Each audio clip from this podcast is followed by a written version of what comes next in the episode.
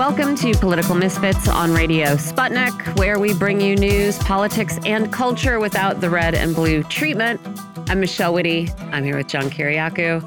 I was just looking at a headline. With, this is not one of the things that, as far as I know, we intended to talk about today, but perhaps the least surprising headline, uh, you know, of the week. Again, hate to kick a country while it's down, but it's Friday. I've got a little bit of a headache, and I just had to laugh at uh, this Politico headline Ukraine uncovers corruption scheme implicating top officials. yeah. Oh, I'm oh, well, shocked. Gosh. Shocked, I say. Gosh. Golly. What could it be this yeah. time? This time it's about uh, the purchase of food, which was intended as humanitarian aid. So pretty, pretty big bummer there. Also pretty unsurprising. Hey, but we're going to talk about some corruption in the United States. We're going to talk about mugshots. We're going to talk about, oh, the Trump's return to Twitter. Interesting. We're going to Yeah. talk about RICO. We're going to talk about the Secret Service and their relationship with the Oath Keepers. Is it just about coordinating protests, or could it be a little more? We're going to talk about the air industry understaffing and whether that is what's behind all these near misses we're seeing. And oh boy, I mean, plan- we planned this conversation earlier in the week. And so I hadn't read everything that I knew we were going to want to talk about until this morning because I had other things to get into. Oh boy, man, that uh, New York Times report from Monday about what is uh, like about the level the level of understaffing, at least among air traffic controllers. Yeah. It's shocking. Shocking to It's- the point of being perhaps criminal. It's something like Depraved Three- indifference. three out of 300 uh, of these air traffic control hubs are actually staffed to FAA and union requirements. Yes. That's astonishing. Inexcusable. And the FAA is really just saying, well, we take a very conservative approach and we've got a multi layered system, you know, multiple redundancies. So everything's cool. But I don't know, man. You have those levels for a reason, right? And, you know, people who know these kinds of things tell us that it's just by the grace of God we haven't had a disaster with maybe hundreds of people killed in an accident. It's really, it is frightening to see, uh, you know, these internal safety reports written by air traffic controllers saying the situation is dangerous. yes. That's, Yes, indeed. Yeah. So we're going to talk about that later. We're going to talk about mining and, um, you know, what what to make of this this implication that, uh, well, that that as the U.S. and Canada start to decouple from China, hmm that somehow our supply chains and Mhm. our mines are going to be so much better for the countries they're in than Chinese mines. And talk a little bit about, you know, whether this sort of shift away from, well, we're, we're not doing any of the shift away from fossil fuels, Right. really, yeah. No. There's But no we are doing consensus to a do it. shift to other kinds of uh, batteries and Mhm. energy storage and energy gen- energy generation. And so we're going to ask, uh, you know, uh, do these mining projects look any different from the past mining projects? I think that'll be fun to talk about. I also, um, can I can we talk about Rich Men north of Richmond for a minute? We haven't talked I've talked about tried it. so hard to boycott and avoid this song. I will say it is at least a catchy song. Is it an op? I have no idea. Lots of people, many people are saying the song's an op. I don't care. It could be, it could not be, whatever. It is at least a catchier song than that Jason Aldean small town song, which is just a Yeah, it's just big gross. wet blanket. Yeah, it's gross. Well, it's not even a good song no, it's not. if you're gonna uh, i mean if you're gonna generate controversy at least make me feel torn about you know about listening to you because you're fun so Right. this is sort of a whatever it's a it's a kind of it's a song you can sort of enjoy listening to as you ponder whether it's an op and whether you should pry into these lyrics. So npr got into it this morning because of course at the beginning of the the GOP debate it was they were playing that song and they sort of structured some of the early questions around that song which I thought was pretty interesting. Um uh NPR asks truly in all seriousness is listening to this song going to make you a conspiracy theorist? And so here is what they they find objectionable they say that the song nods to uh, conspiracy theories which has caught the attention of extremism experts and it points to the lyric, I wish politicians would look out for minors and not just minors on an island. My, wish, look out for minors with an ER who are in the caves, not just minors with an OR who are the kids on an island. They say, of course, this is a reference to the Jeffrey Epstein scandal. He's a sexual predator who died in jail in 2019. Uh, quote from NPR the far right continues to circulate conspiracy theories about the circumstances of his death, and Anthony appears to nod to elements of the baseless QAnon conspiracy theory that claims that powerful elites are sex trafficking children in some of his other online content. Uh, that, I mean, here is the problem. No. No. Tom Hanks and other Hollywood hotshots have not been replaced by clones because they were all executed in the great storm that Donald Trump did enact that none of us know about. Obviously, that is a stupid idea, right? Obviously, Q QAnon is a crazy thing based on something that's not going to happen. The return of JFK Jr. or Yeah. what, whatever. They're still waiting for him in There's Dallas. no chem chemtrails, whatever. Uh, powerful elite sex trafficking children is a thing that is is known, and it is also known that it is being covered up. You know what I mean? And I'm not saying all of them for sure, but like this whole the, the scandal of Jeffrey Epstein is not just that people disagree about how he died in 2019. The scandal of Jeffrey Epstein continues to unfold, and it Yes. involves why did JP Morgan keep him on as a client? That's Why were his lawyers sitting down with the governor, the, the governors, I will say, of uh, the U.S. Virgin Islands to write their sex trafficking laws so they would not apply to him as, Mhm. as stringently as they might otherwise, right? That's right. But Prince Andrew on these flight, lo flight logs, Bill Clinton all over these flight logs. Uh, I mean, Donald Trump hobnobbing with him. Like, come on. There, y- Mhm. sure, you can say there is a difference between, um, you know, the idea that extremely wealthy and powerful elites get away with things that other people would be punished for, and that every government in the world is involved in some satanic pedophile ring. Sure, those are two different ideas. Mhm. But every time you say, uh, anytime you talk about Jeffrey Epstein and and a bunch of question marks go off in your head, then you're talking about conspiracy theories. It just makes it it like it it. You are perceived, I think, correctly as doing the work of these elites who are continuing to try to get rid of uh, uh, get away with crimes. Surely, in a in a smaller ring than one that encompasses, you know, whatever. Queen Elizabeth and the Bilderberg group and Right. the Biden family Right. and, and whoever. You know what I mean? And they're all lizards The in human skin. Commission. Right. Yeah. Whatever. But you know, you can't just say uh, it's a it's a conspiracy that powerful elites are sex trafficking children. You know, I mean, and you could just Mm-hmm. say just add other crimes. It's not a conspiracy to say that they're getting away with financial crimes. You Yeah, know what I mean? That right. whistle, whistleblowers are the only ones who get punished for Right. for reporting these things. I mean, it's just so it's just so frustrating. Um, Totally agree.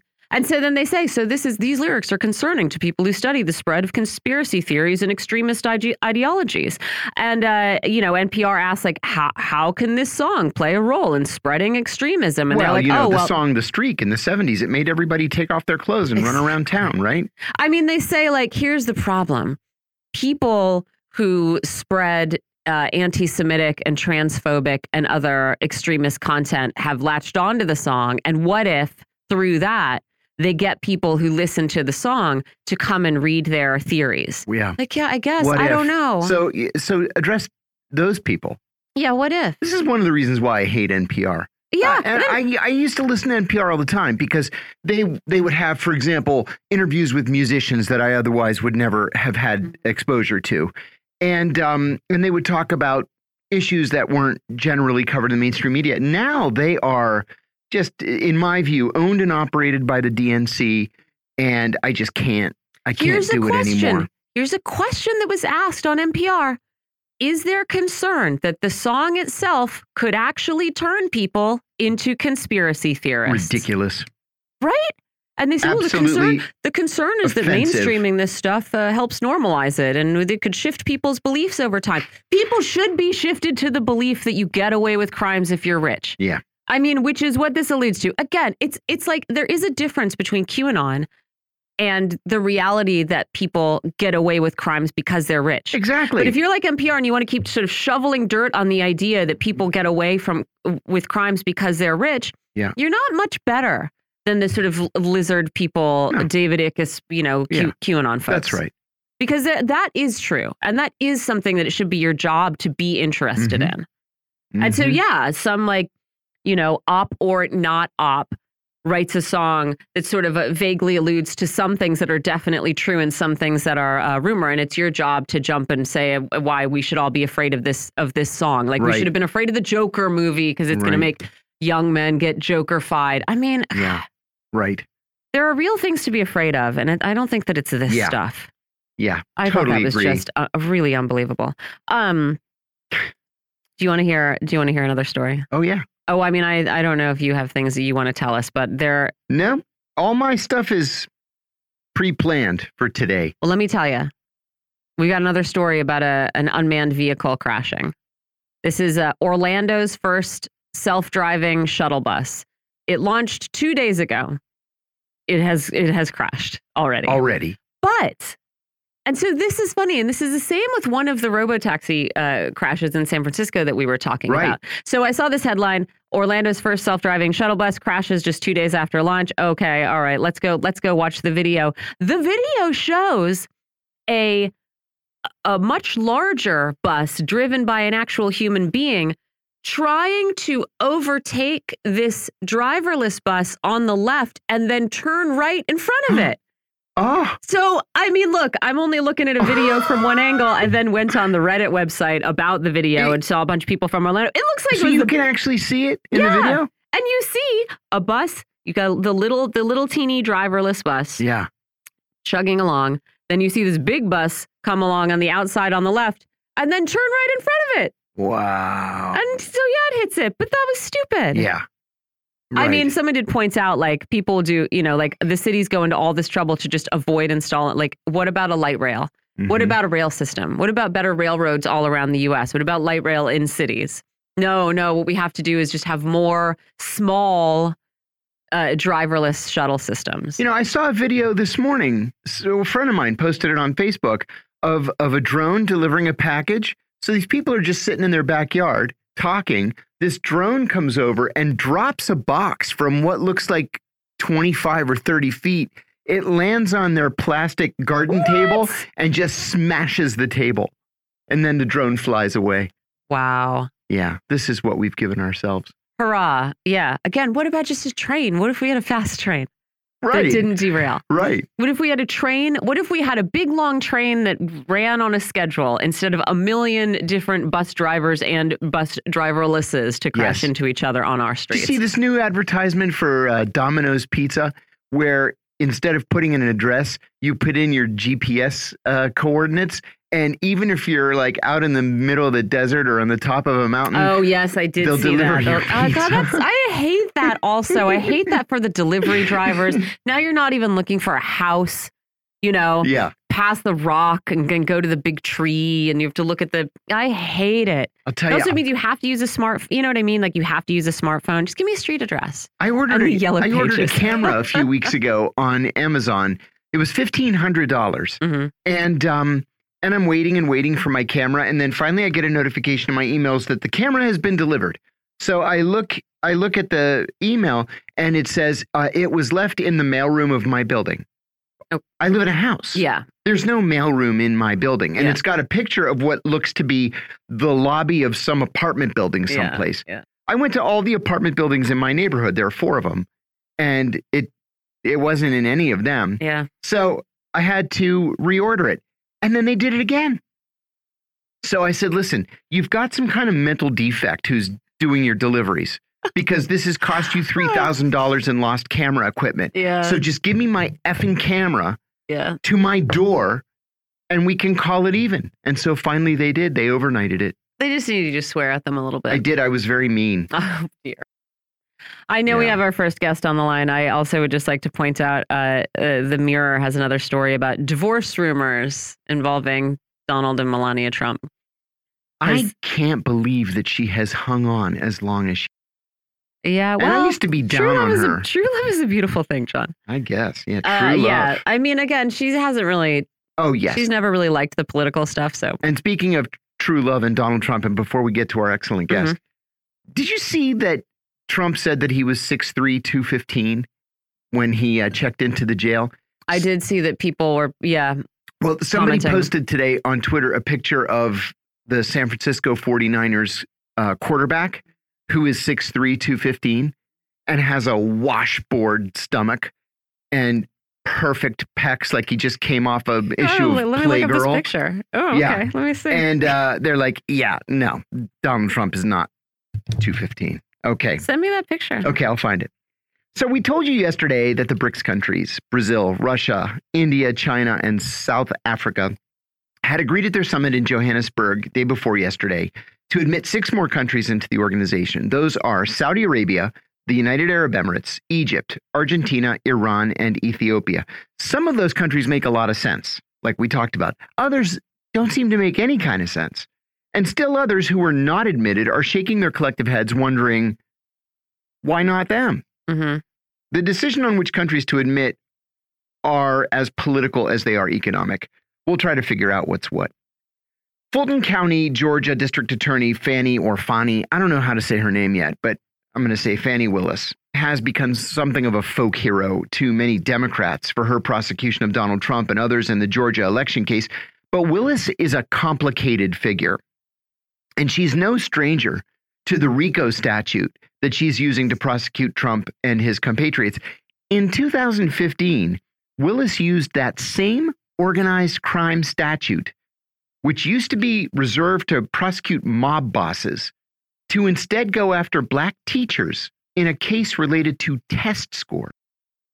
You heard that right, to test scores. She's also a supporter of the highly controversial Cop City outside Atlanta, and she's prosecuting activists who have opposed the facility. Those prosecutions also are under the RICO statute. And Stewart Rhodes, the head of the Oath Keepers group, who was sentenced to 18 years in prison recently for his role in the January 6th insurrection at the Capitol, apparently was in touch with the Secret Service in the months prior. Just released emails show contact between Rhodes and the Secret Service, after which Secret Service agents reported to, to their superiors that the Oath Keepers had renounced violence and were made up of retired military and police officers. But Oath Keepers placed themselves in the midst of protests at Ferguson, Missouri, at Black Lives Matter rallies around the country after the murder of George Floyd, and at the Capitol on January 6th. And Rhodes said publicly that the 2020 election was a quote, a coup by communists and the deep state, unquote. And he called for a civil war if Joe Biden was to be inaugurated. The Secret Service, of course, had no comment other than to say that it is normal for groups to reach out when they want to exercise their First Amendment rights of freedom of speech and freedom of assembly. Margaret Kimberley is the editor and the senior columnist at Black Agenda Report and author of the book Presidential. I love that word. Presidential Black America and the Presidents. Margaret, so glad to have you back. We're always happy to have you. Welcome. Thanks. Good to be here. Margaret, let's start with BRICS and get this out of the way before we can have more fun in this discussion. The BRICS organization more than doubled in size yesterday when it announced the addition of six more countries. Some of them, as I said a moment ago, make sense, like Saudi Arabia and Argentina. They're big economies. But some don't make sense, like the UAE, which is also a big economy, but I'll get into that in a minute, Iran, and Ethiopia. So help us understand the decision here. Is BRICS supposed to be a new non aligned movement type of group, or is it something more economic and less political than that? What do you think? Well, I think it's it's all of the excuse me, it's obviously an economic group, but it's turned into a political group uh, because of this determination to uh, for countries to get away from the domination of the dollar and to get away from the domination of uh, the U.S. in general. So now you're seeing countries that it does seem surprising, but I think it is in effect also becoming a new non-aligned movement as the US has only one way to deal with the rest of the world. You're either with us or against us, against us to bully even allies are bullied. I mean, look at Germany. They blew up mm-hmm. their pipeline and Germany quietly goes along with it.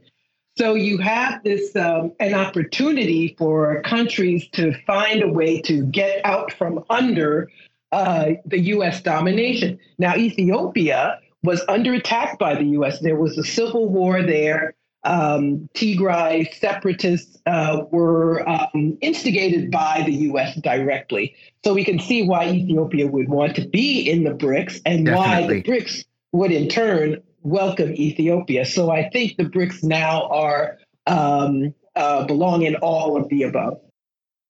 See, this is something that's kind of um, perplexing to me. Um, it, it, on the surface of things, I would assume that that BRICS would want strong economies that that combined together would be able to challenge the economic domination, economic hegemony, maybe, of the United States around the world. And that's why they would want Saudi Arabia and the UAE and Argentina uh, and and maybe a handful of others. Uh, Kuwait has been mentioned, and Indonesia and South Korea. But I'm not sure I understand what Iran brings to the table or Ethiopia. I understand what they how they benefit by being members of BRICS.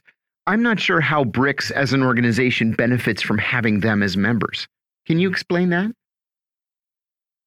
Well, I think I think the BRICS uh, benefit by having oil-rich nations, so I think that explains Mm, uh, Iran's presence and the UAE's presence.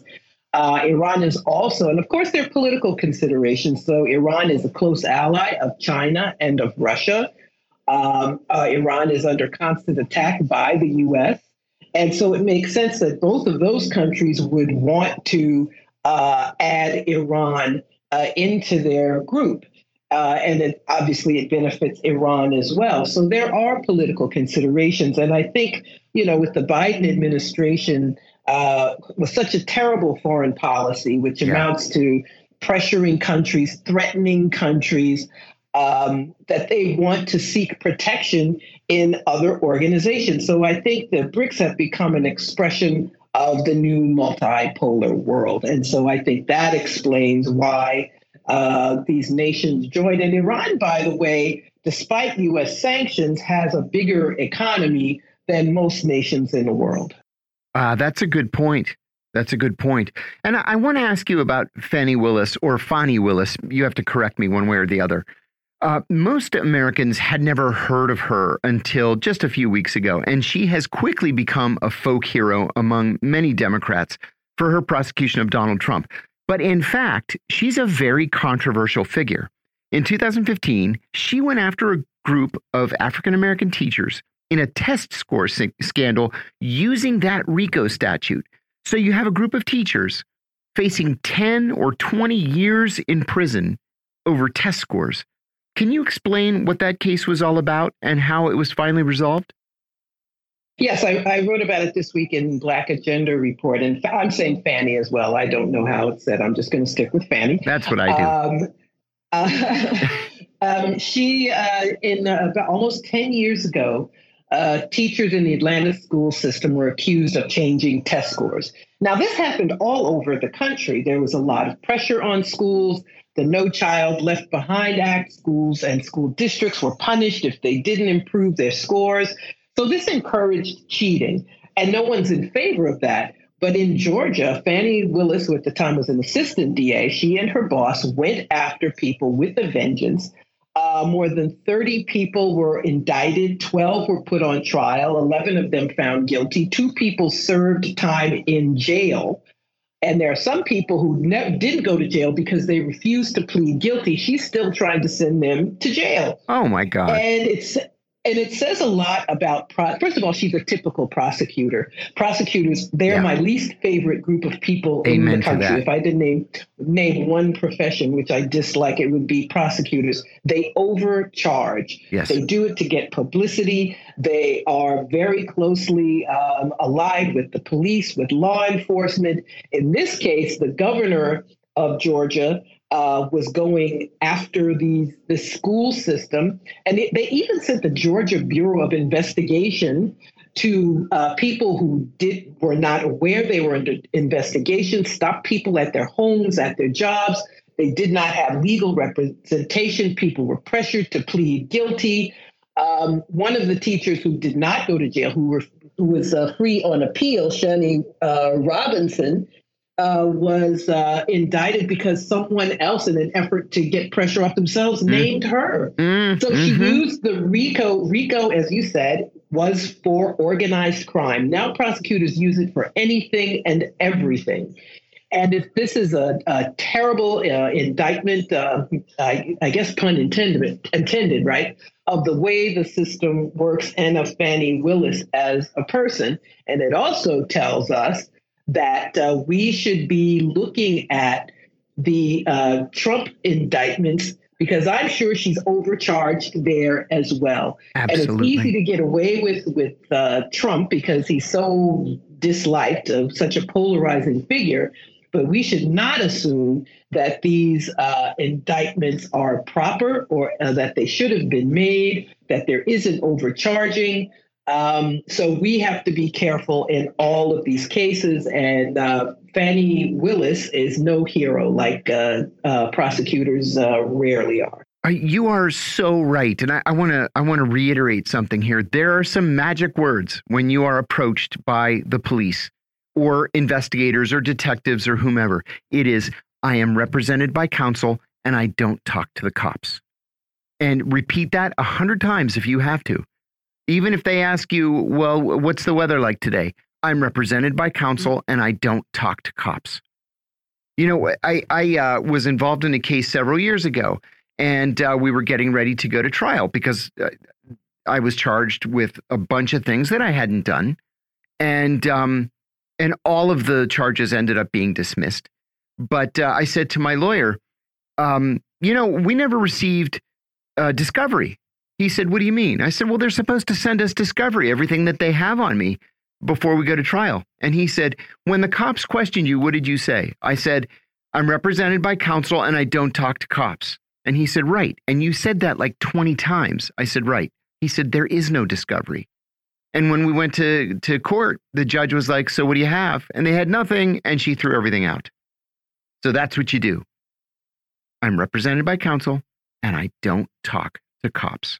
Okay, that's not the end of the story with Fannie Willis. Uh, she is also a major figure on Cop City. You mentioned a moment ago that in 2015, when these cases were filed uh, against uh, teachers in Atlanta, that she was the assistant district attorney. Now she's the district attorney, and she's the lead person on Cop City. So we've talked about Cop City here on the show, and it seems that Willis has used an equally heavy hand in dealing with protesters as she did with the teachers, charging protesters under the RICO statute and seeking very harsh penalties. So tell us about the status of Cop City, about the protests there, and about Willis's response. What do you think we should expect? Well, Cop City, uh, for those who may not know, they're calling it a police uh, public safety training center, 85 acres. That's the size of Central Park, by the way. And, and uh, it's five acres alleged... bigger than the White House grounds. It's gigantic. Yes, and uh, apparently the cops need this in Atlanta. Uh, this is it's, it's it shows you how much corruption there is in that city. We're always told that it's this great city for black people, a mecca for black people. There are black leaders, but they do just what rich uh, white Atlantans want them to do. And this was an effort to keep the Buckhead area from seceding from Atlanta. And so the black mayor and ah. majority black city council do everything that powerful white people tell them to do, in, including to have this militarized policing and to destroy an old growth forest to do it. Now there is petitioning going on to get Cop City on the ballot. And uh, there have been all kinds of efforts to to uh, stop this petition. They claimed that people carrying the petitions had to be residents of Atlanta. Judge threw them out. Everything that the city claims, the judges have thrown out.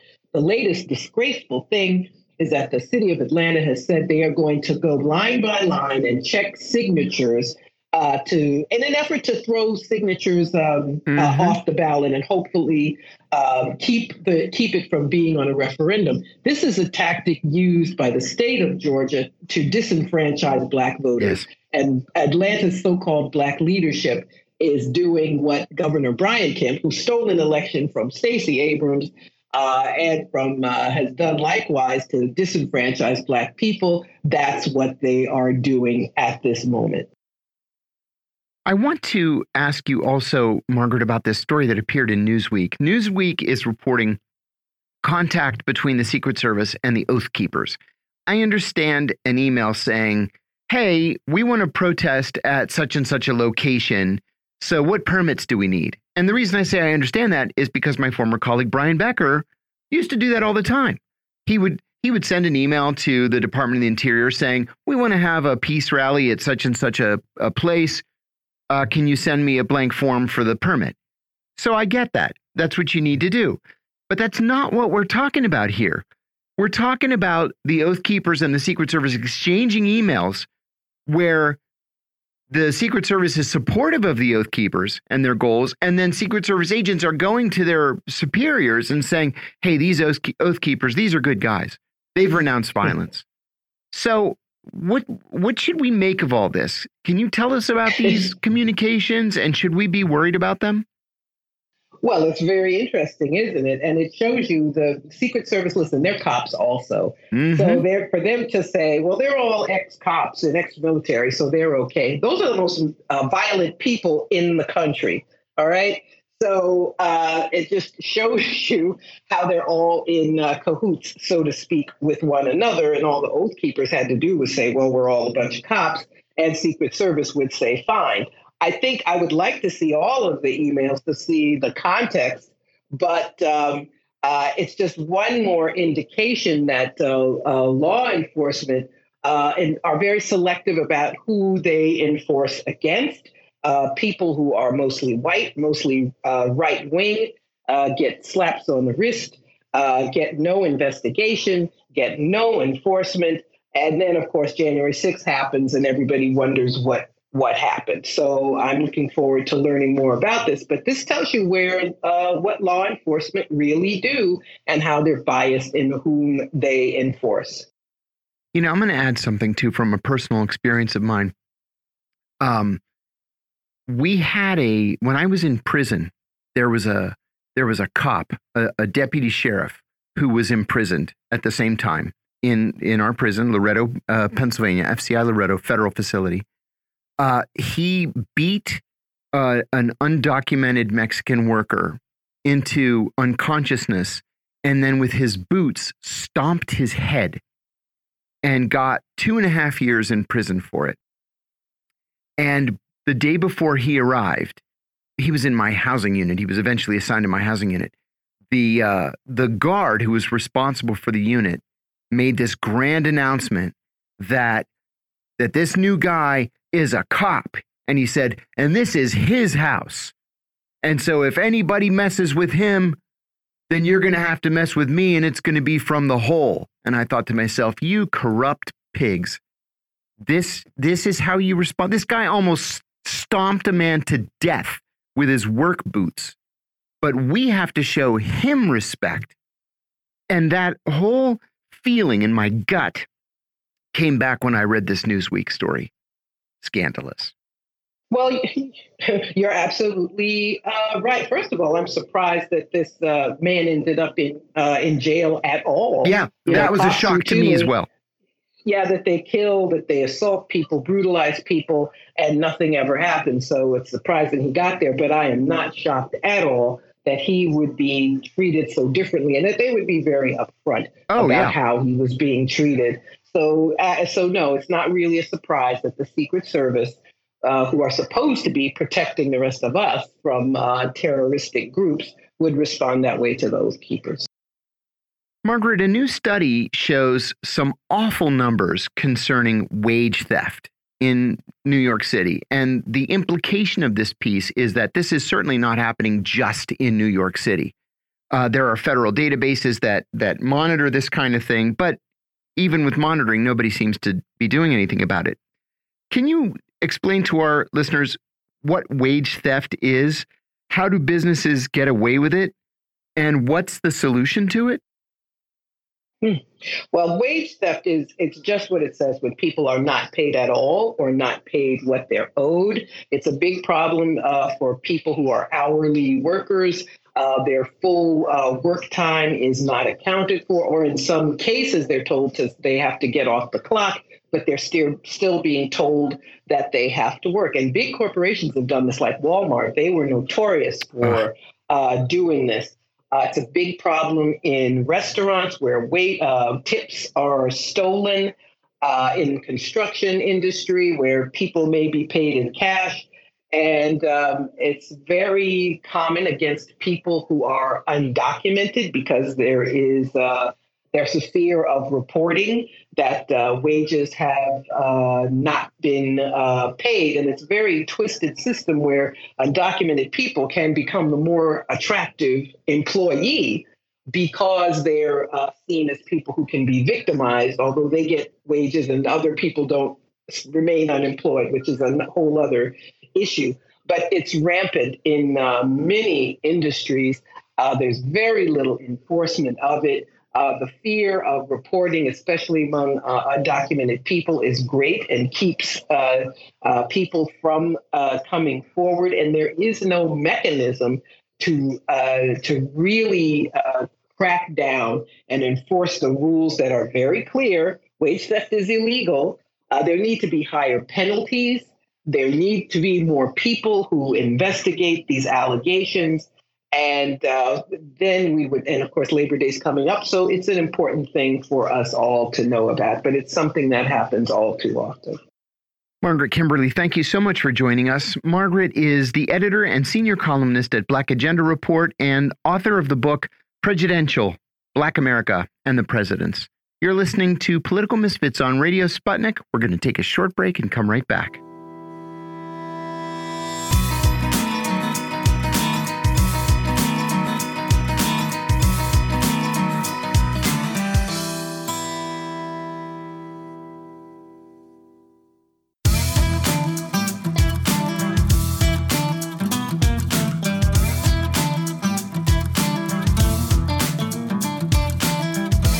Welcome back to Political Misfits on Radio Sputnik, where we bring you news, politics, and culture without the red and blue treatment. I'm Michelle Witte. I'm here with John Kiriakou. It is unclear whether we are having the same amount or more of rare instances of rare tick or mosquito borne diseases cropping up in the US or not. Certainly uh, malaria. I wouldn't count malaria as a as a rare disease, but no. we did talk about how we've had the first um, local transmission of malaria yeah, right in here Maryland in Montgomery County, Maryland. 40 years, which is not, I would have thought it, it would have been longer. I didn't know we had malaria in Maryland as recently as 40 years ago. Yeah, I was living here 40 years ago. I can't believe it either. NBC has a story about other mosquito and tick-borne diseases popping up in the United States, including one I have never heard of before, Powassan virus. Never heard of that. Which I guess is a thing in the Northeast that only they know about. It is very uncommon. Dengue, huh. Yeah. I think there's been a dengue outbreak in Florida. Oh yeah, there is a dengue out, outbreak in Florida. When I was in Cuba in in uh, February, our our group leader's wife got dengue. There are uh, seven cases of locally transmitted malaria in Florida and one each in Maryland and in Texas. Also, Eastern equine encephalitis. Two cases in Alabama. That has a 30% fatality rate. I know, right? Uh, but again, so yes, they're cropping up. Yes, they're rare. Uh, are they unheard of? No. They're saying this cluster in Connecticut is sort of unusual. It's unusual to see several at once, as just happened there in the state. But it's like, yeah, we're just sort of like now we're coming to the end of the summer and yeah. collating all of this data. Uh, other than malaria, un, uh, unclear really whether these are, are anomalous, Crazy. but still sort of interesting to remember what's out there. I think so too.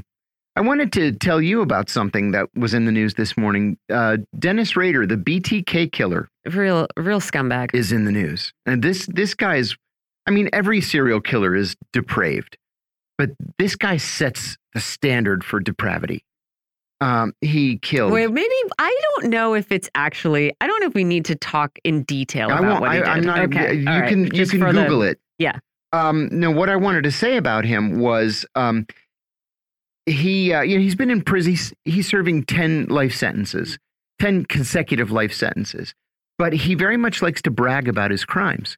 And so uh, uh, an interested curious researcher went to the prison to interview him.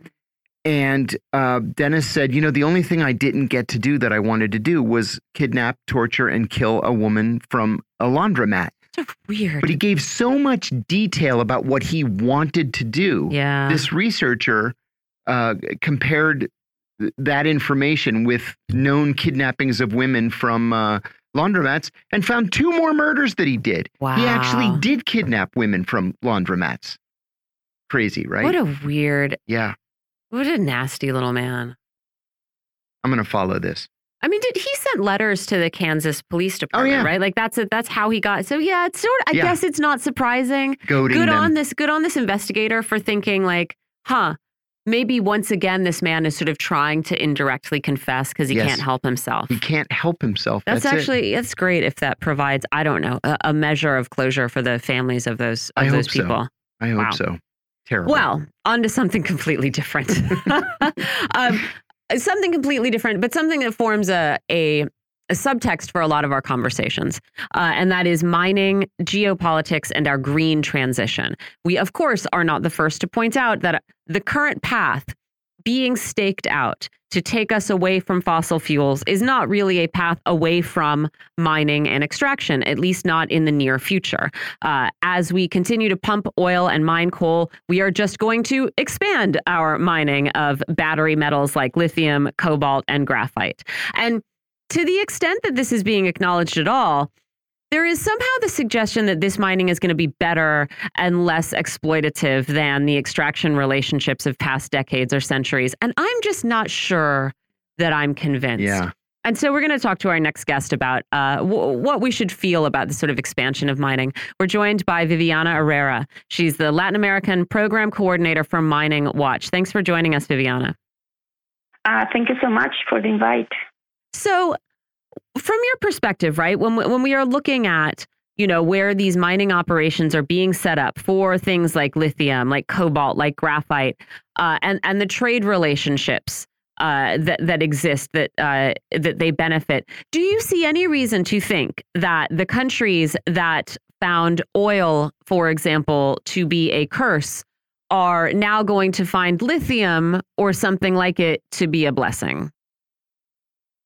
Um, so yeah, I think that this is something definitely that has been, you know, uh, in the news a lot. Um, and, and in terms of the media, how like it's so important to fight, you know, uh, against uh, climate change, hmm and how you know like mining, uh, mining uh, for the energy transition has been identified as the as the solution to fight climate change. And so, in this sense, as you were saying um, just now, uh, there is this uh, intensifying of extraction of cri- critical minerals and metals uh, needed to build the technologies needed for the energy transition and mitigate climate change, such as solar panels and electric vehicles, and the batteries necessary to decarbonize the transportation sector. So, as you mentioned, lithium, copper, graphite. Um, so, in this sense, what mining corporations uh, and governments are proposing is to change one type of extractivism hmm for another one, right? For mining, for the energy transition. However, this solution to a climate crisis that is, um, you know, means deepening uh, mining extractivism, um, and which has been actually described by the Canadian government as an economic opportunity and as part of the economic recovery uh, post COVID 19, completely disregards the fact that the expansion for this um, expansion of the extractive uh, frontier um, actually may, may actually increase environmental destruction and cause greater threats to biodiversity than those avoided by climate change. And so, uh, what we're seeing as MiningWatch, you know, Mining Watch Canada has been documenting uh, for over 20 years the impacts of mining in here in Canada, but also you know in Asia Pacific, in Latin America. What we're seeing is that this mining for the energy transition actually has the same impacts as uh, traditional mining. Right, so companies are mar- marketing these mines uh, as green. Um, however, many of these mines, like lithium mines, copper mines, have the same size and, and use the same techniques to extract minerals as the large scale gold and silver mines that we are we see everywhere, right? So, um, in this sense, this is the reason why um, I feel that communities uh, in all the way from Canada to Argentina will find. Uh, I don't think they will find lithium to be a blessing. Um, and I feel that what we are hearing uh, on the ground is that um, indigenous communities are saying that they don't want to be sacrificed on zones, right? Uh, from, for example, uh, Long Point First Nation here in Quebec, in Canada, all the way to the indigenous communities in Argentina, in the salt flats, they are saying no to mining. So because of all of this, I feel that uh, you know the, the, same course that you know oil has been for many countries and communities around the world. Um, it seems that lithium may be uh, the same. Let me also ask about. Uh, there's another sort of implication and it's that who is doing the mining really matters, right? And so we have the US and Canada yeah. right now talking a lot about decoupling from China and expanding our own supply chains and building our own mines. And the implication is that uh, Chinese mining is bad it has a bad safety record. It's, it exploits locals. It fuels corruption. Whereas mines that are backed by Canada and the United States are good and they create jobs and they don't warp local politics. And I wonder if you think there is any truth to this comparison. Are, are American and Canadian mines good in some way that Chinese mines are not? Yeah. So I think that this is a very valid question. And what we see on the ground working uh, collaboratively with indigenous and non-indigenous communities is that for them, um, Chinese, Canadian mining companies, they are all the same. They are um, a, they are causing uh, the same environmental harm. Um, and so, uh, for example, you, um, as you may know, uh, Canada is, uh, you know, is home to the majority of Canada of mining companies, right?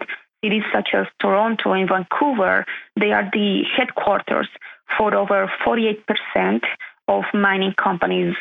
And but most of these companies are junior companies, meaning that um, uh, the companies who usually first arrived on the ground, right? The first ones who do the exploration work and the first ones to contaminate and call, you know, um, uh, you use this tactic of uh, divide and conquer communities in order to uh, get the social license for the projects what does that mean? What, what am I say, what, what I'm trying to say by that? That while Canadian mining companies are the first ones to arrive and cause cause all of this harm, is uh, Chinese companies the ones who arrive later, who usually buy, acquire these uh, projects and develop the projects. So there's this very interesting and almost, I would say, symbiotic relationship between Canadian and Chinese companies. And that's the reason why uh, many communities, for example, in Ecuador, who, if you ask them about Canada, uh, in China, they will say, you know, both countries are causing the same harm. Um, and there are multiple examples to, to show that. And I think that also is very interesting because, um, you know, I think that's something that maybe can, many Canadians and maybe people in the United States may be surprised is that we have this myth that you know Canada is known abroad to be you know a friendly country, right. maple syrup, and all of that. However, when you travel into these communities in countries such as Ecuador, Argentina, Colombia, and you mentioned Canada, the first thing that usually comes to people's minds is environmental harm and human rights violations. So Canada is being associated with um, mining companies and these very negative uh, impacts. Uh, so yeah, I would say that Chinese and Canadian companies are on the ground uh, doing pretty much the same harm. And you know, you've mentioned uh, indigenous resistance to projects, uh, which you know we've seen in the United States in some really high, high, profile ways recently with the Dakota Access Pipeline, for example. You mentioned resistance in Canada, resistance in Ecuador, uh, but I'm wondering uh, if you can talk to us a little bit about how mining and mining profits influence the relationships between um, the governments of the United States and Canada, for example, and the governments in some of these places, in uh, Peru, in Ecuador, in Chile, in Bolivia, because I'm wondering if there's a, a connection between, you know, some of this uh, the effectiveness of this resistance and these relationships at a national level. And and Peru you know comes to mind most recently right? Uh, the Peruvian government um, deposed and imprisoned Pedro Castillo nearly a, a year ago now, I think, John. Mm -hmm. I'm remember I am forgetting right. the exact timeline. Yeah. The government of Dina Boluarte is incredibly, incredibly unpopular. Some of the things that um, Castillo intended to do were to sort of strengthen indigenous rights and autonomy over over their land and their choices, and have changed Peru's um, uh, constitution to uh, reflect that. And yet, uh, everybody, everybody in the in the global north is pretty happy to just go along with Boluarte, and I, I don't think it's a coincidence that this is a government that's very friendly to mining interests. So I wonder if you could talk to us a little bit about how mining interest affects the relationships between uh, Canada, the United States, and some of these Latin American countries that have the resources we want. Yeah, for sure. I think that something that shapes uh, these relationships between Canada and countries in Latin America, for example, like Peru, as you were mentioning, are based on this um, uh, policy that is called economic diplomacy, right? By that I mean, you know, the, the how Canada tries to influence local governments through uh, its uh, embassies. So the Canadian embassies abroad have a very particular mandate uh, which is actually described on uh, under Canada's uh, Global Markets Action Plan.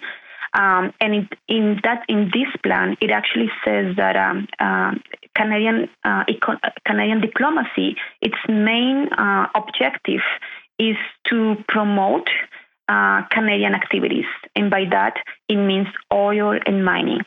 So what does that mean? It means that you know, for example, when um, some like there's political unrest, like you know what's going on in Peru, which yeah, that happened last last year. You know the um, the deposition of uh, Pedro Castillo, but you know we know that the violence continues, uh, and what we see is that when the Canadian ambassador uh, uh makes a statement, what they're most worried about is not human rights or is not like uh, social unrest and what that means for the local population, but what they're actually concerned about is how that's going to affect their interest. And so that uh, that that will be on one side, but on the other hand, we see how um, a Canadian uh, embassies, for example, trying to influence local governments by, for example, trying to influence um, mining codes in order to make sure that Canadian investments and interests are protected and um, advanced through um, local mining codes. And so we've seen the um, very like overtly influence of Canada in countries such as Colombia, Peru, uh, Panama, uh, being very, very involved in the creation, uh, drafting of mining codes in order to make sure that Canada um, benefits from mm-hmm. those um, codes or uh, possible amendments.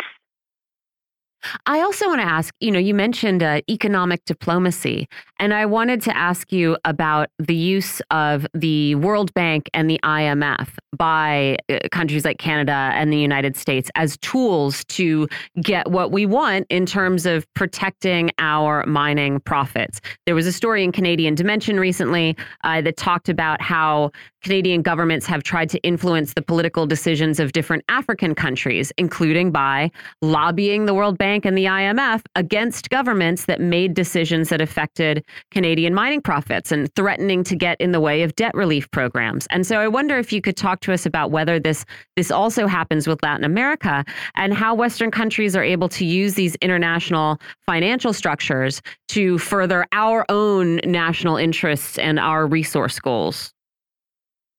Um, yeah, I feel that maybe one specific example of how uh, um, you know these financial institutions shape and try to influence uh, local policies is the World Bank. And by that I mean uh, the World Bank as, uh, in relation to free trade agreements. So uh, what we see is the use of the investor state dispute settlement, uh, better known as the ISDS system. This is a system that allows uh, transnational corporations to sue countries in secretive supranational arbitration tribunals um, who, who, who that actually belong to the World Bank. So what what do I mean by that? So um, when countries in the global south uh, sign um, free trade agreements with countries such as Canada, there's always like, a, or usually there's like a clause um, that uh, includes um, these uh, investor state dispute settlement. And what it does is that um, it make uh, it says that if there's if, if the country in the south, for example, Colombia, decides to stop a mining project at some point, then this transnational company, Canadian company, has the power and the right to sue this nation for for disrupting their operations. But what is very problematic about this is one that any uh, any uh, these suits, uh, these uh, um, like uh, I, sorry, sometimes I forget the words in English from Spanish. But you know, when these uh, companies try to sue these governments, mm-hmm. they don't do it in an open or public court. They mm-hmm. do it in secretive courts that are hosted by the World Bank. Uh, and so, commu- uh, so this is very problematic because usually when co- governments uh, decide to stop projects, this is in um, in response to um, uh, denunciations or asks by communities who ask the government to halt uh, mining operations because of environmental harm and so on and so on. Mm-hmm. And so this is, uh, in this way, is very problematic because we see the confluence of governments, like the Canadian government, with the World Bank, in order to make sure, and with mining companies, of course, in order to make sure that whatever happens, their um, capital and their uh, economic interest is always protected. And it's it's inherently undemocratic, right? Because as you say, usually if these disputes are brought, it's because there's been pressure from a local community that says this is harming us in a way that we find unacceptable, and they can put you know, one one would hope they there are political processes in those countries that allow them to put pressure on their leaders, that allow these kinds of um, lawsuits and, and labor or um, you know, uh, business disputes, contract disputes to be brought. Uh, and then the Canadian government, the American government, is able to use the World Bank, which we, you know, pretend is this great uh, aid to the poor, to come and uh, squash the expression of, of uh, you know, the democratic expression of the will of the people in this way, right? And yet we are the people who are supposedly exporting democracy and, and saving the world from autocracy all the time. Uh, Viviana Herrera, I have one more question for you. We we have a break coming up here. I'm going to ask you to stay on the line line, I want to ask about the the relationship between the United States, Canada, and Mexico as it relates to some of AMLO's energy sovereignty. So we'll take a quick break here on Political Misfits. We'll come back and talk about that uh, and a whole lot more in the second hour.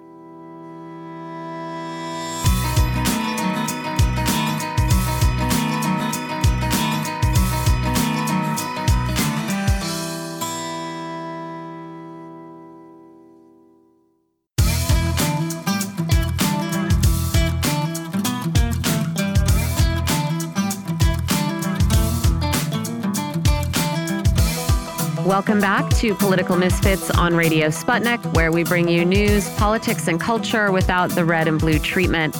I'm Michelle Witte. I'm here with John Kiriakou, and we've been talking with Viviana Herrera of MiningWatch about uh, the you know nexus of mining profits, uh, national interests, and international financial institutions. And I wanted to ask one final question about how Mexico is uh, trying to sort of change the relationships between um, North America and and South America.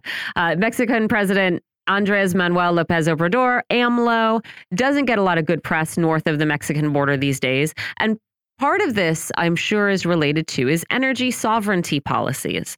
Uh, he is trying to, you know, produce energy in Mexico. He's trying to ensure that Mexico gets as as much of the share and profits from their energy production as they can. You know, that means refining oil in Mexico rather than selling it to Texas to refine and buying it back. Uh, and Canada and the United States have gotten quite upset about these kinds of things. They've brought trade disputes against Mexico under one of these free trade agreements that uh, Viviana mentioned. And so I wondered if you could talk to us a little bit about what AMLO is trying to do uh, when it comes uh, to energy for Mexico and the region, and how the U.S. and Canada are trying to resist this. Um, yeah, so um, yeah, so the situation in Mexico is uh, quite interesting because of the long and very strong uh, relationship between uh, Canada, for example, and Mexico. What we hear um, from our partners in in Mexico, we collaborate with the Mexican Network of Mining Affected People, uh, better known as REMA. Is that you know those criticisms that we hear uh, in the in the global north are a little bit uh, similar, but in a different way in Mexico, within Mexico. And by that I mean uh, in relation to this, uh, the position of AMLO towards Canadian mining in Mexico. So we know that in Mexico, um, uh, actually, can, uh, uh, mining projects or um, represent uh, uh, Canada represents 70% of mining companies in the country. So that's a very heavy and significant number of uh, companies in the country, and also may explain the role of um, influence that Canada exerts in the country. So one specific example of uh, very, very recent example is, is the um, uh, amendments and changes that um, the Mexican government is trying um, trying to do to the mining code. And so this has been um, all over the news in Mexico, and organizations such as the Mexican Network of Mining Affected People is um, is that um, they are very critical of the mining amendments in the in the country, uh, because even though they they have been shown or they've been uh, like publicized as um, being positive for, for, the country in terms of um, a, in terms of securing uh, national interest, what they're doing is actually is not very different from the previous mining code. Um, and on the other hand, so what they're saying, they're criticizing um, AMLO is is is by not actually uh, introducing strong regulations to make sure that uh, environmental harm and human rights violations and indigenous rights are respected in the new mining code. Um, on the other hand, we have uh, the Canadian government uh, doing very heavy lobbying with the Mexican government in order to make sh- in, in, um, to make sure again that Canadian interests are protected uh, under the new mining code. So, for example, um, uh, in the conversations, in the consultation um, uh, roundtables that were happening earlier this year, um, they were happening behind closed doors, uh, where with very few actors, and the Canadian government and Canadian corporations were not part of these roundtables. So, what did the Canadian government do? They started lobbying the Mexican government and communicating internally in order to request that Canada uh, had a seat at the table. Mm-hmm. And that's very, of course, concerning and problematic because while on the table, communities, many communities affected were not seated at the table, mm-hmm. Canada was asking for a seat. And what happened at the end after a lot of lobbying is that the Mexican government accepted this request. And now Canada is at the table shaping again another mining code in Latin America. Yeah, I mean, incredible, right? And I think it is important to highlight like uh, the difference between, you know, mining mining operations conducted in country and out of country are not necessarily that great, right? It's the same sort of exploitation. You do feel like at least at least within a country it is your own government that you are trying to reach with complaints and not one that is perhaps thousands of miles away. Uh, Viviana Herrera, we really appreciate your time. Thank you so much for joining us. Tell our listeners where they can find more of uh, the work of MiningWatch. Uh, well, first of, first of all, thank you so much for the invitation. It was a pleasure talking with you guys. Uh, I, you can find us on the web. We ha- we are at miningwatch.ca and uh, same on uh, social media, Twitter, better known as X now, and Facebook. So um, and we're also on Instagram um, as well as MiningWatch. Uh, thank you thank so you. much, Viviana. I really appreciate it. We'll we'll talk to you again. Thank you. Bye. We're going to go straight to our next guest. Um, and it's going to be about the domestic situation. As everybody in the world knows by now, Donald Trump was uh, was arrested, booked, fingerprinted, processed in Atlanta yesterday evening. He was he was given prisoner number P0135809. He then returned to his private jet and flew back to New Jersey. Trump immediately took to social media, tweeting for the first time in two years a copy of his mugshot and the words, Never surrender. He'll be arraigned in an Atlanta court during the week of September 5th. Meanwhile, Trump has been telling supporters and advisors that every time he's indicted, his popularity goes up. That is not true, however. A majority of Americans believe he should be punished for trying to steal the 2020 election, and a majority believe that the trial should be concluded before the 2024 election. That's exactly the opposite of what Trump wants. In addition, while Trump's base believes the indictments make him stronger, the broader electorate has the opposite reaction. 13 million people watched Wednesday's Fox News Republican presidential debate, and the conclusions are becoming more and more clear. First, although the consensus is that Florida Governor Ron DeSantis did well, or at least didn't make any mistakes, he's no longer seen as the only alternative to Donald Trump. Republican political operatives, according to Politico and the Washington Post, came to these conclusions. Number one, Nikki Haley gained the most ground, which should significantly help her in fundraising. She was the only candidate who talked about deficits, and the Washington Post said today that she won the debate outright. Number two, Mike Pence spoke the most and is the most pro life, but also has the most work to do to become a viable candidate. Number three, Tim Scott was unimpressive and probably hurt his chances of ever becoming president. And number four, Ron DeSantis wasted an opportunity to hit Joe Biden and instead focused on his opponents other than Donald Trump. In November, voters in Maine will decide whether they want to put power companies out of business and take control of the state's electrical grid, when they vote on a ballot initiative to create a nonprofit power company that would buy and operate the utility's transmission lines and facilities. Supporters say it's the most important climate election in the United States this year, and a win could inspire activists elsewhere to try to take control of their own utilities in order to limit their state's dependence on fossil fuels. The state's two electric companies are, of course, furiously fighting the ballot initiative, having already donated more than $27 million in efforts to kill it. And how about this for a story? From 2017 through 2021, federal and state investigators found more than 13 cases of wage theft. This is something that we asked Margaret Kimberley about a few minutes ago. Databases uh, belonging to both the U.S. Department of Labor and the New York Department of Labor previously ha or have previously unreported details on how much money has been stolen from workers and also shed light on which businesses have committed wage theft. In all, federal and state investigators determined during the five year period from 2017 to 2021, more than $203 million in wages had been stolen from 127,000 workers in New York. We're joined by Dr. Aaron Good. He's a political scientist and host of the American Exception podcast on Patreon, and he's also author of the book American Exception Empire and the Deep State. Aaron, welcome back. Glad to have you. Hey, thanks for having me on. Thanks for doing this, especially on such short notice. Uh, so let's let's start with Donald Trump turning himself in last night uh, at a jail in Atlanta. He was photographed, fingerprinted, and issued a prisoner number just like anybody else in the system.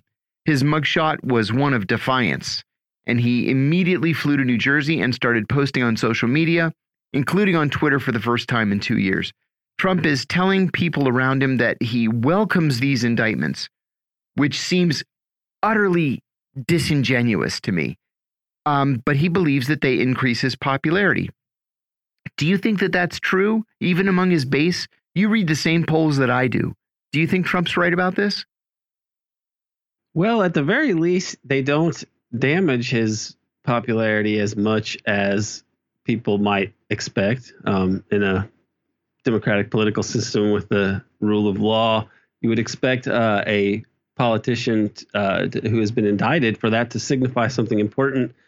But I think for many of his protesters or many of his supporters, they see his uh, they see this as being politically motivated and, so, and a sign that the corrupt system that he you know uh, rails against rhetorically is trying to use all the tools at its disposal to um, to take him out of the running. So this is the way they will they will perceive it, uh, and it's to an extent. I mean, you know, we we talk I talk about this a lot, but they have a point in that presidents do break the law all the time. I mean, Obama by simply by not prosecuting Bush for torture, Obama was breaking the law. So, and that's just but one of many, many, many examples of presidential lawbreaking. Once you more or less establish in practice that what Nixon said about, you know, when the president does it, it's not illegal. Once that is established as a precedent, if you go against it, then it needs to somehow be explained why what's the difference for the what's the reason for the inconsistency so which i don't of course, the press doesn't really admit that, and the political class doesn't admit that. We don't we don't admit that the president and the the state is uh, essentially above the law, but that's the way that they operate. So uh, it's not like his supporters are wrong to think that something is uh, something else is going on here, other than like someone broke a law, and therefore the legal machinery of the state, you know, snaps into action. Right, right. Politico, The Hill, 538, the Cook Political Report, and other outlets say that even if these indictments help to strengthen Trump's Trump's to strengthen Trump's base, they account for only about a quarter of American voters overall. You can't win an election with the support of 25% of the population. Does Trump have a path back to the White House? Does he have a way to confound these experts or or is he deluding himself and helping to reelect Joe Biden? Well, when you look at polls in the last few months, he's done pretty well against Biden, sometimes a little behind, sometimes a little ahead. And then you consider that the electoral college and the, the insane, you know, undemocratic structure of our electoral process tends to give uh, the Republican, you know, the right wing candidate um, although it's hard to even really argue who's more right wing between these two at this point.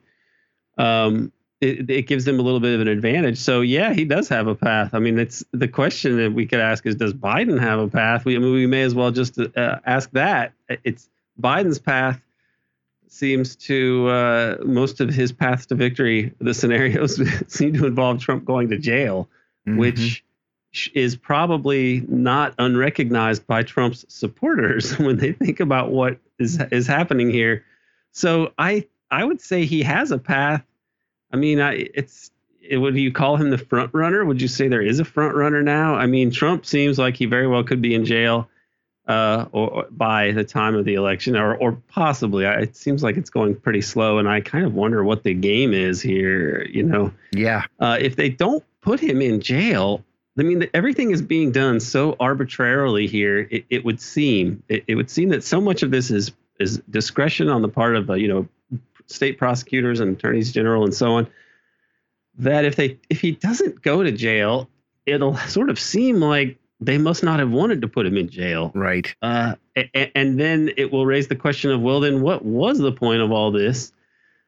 Uh, if that's the case, is this is part of this spectacle just done so that like we are we just are talking about Trump and Trump and Trump's legal problems and not really realizing that beyond the Trump circus, there's something so much more significant going on in the in the world right now, which is the breakdown of the U.S. empire, which has lasted since the end of World War II, U.S. hegemony over the over the international capitalist system, but that is also a system itself that consolidated centuries of Western imperialism and so this is really a tectonic shift in world history. The the U.S. empire, and and along with it, centuries of Western imperialism seem to be uh, evaporating.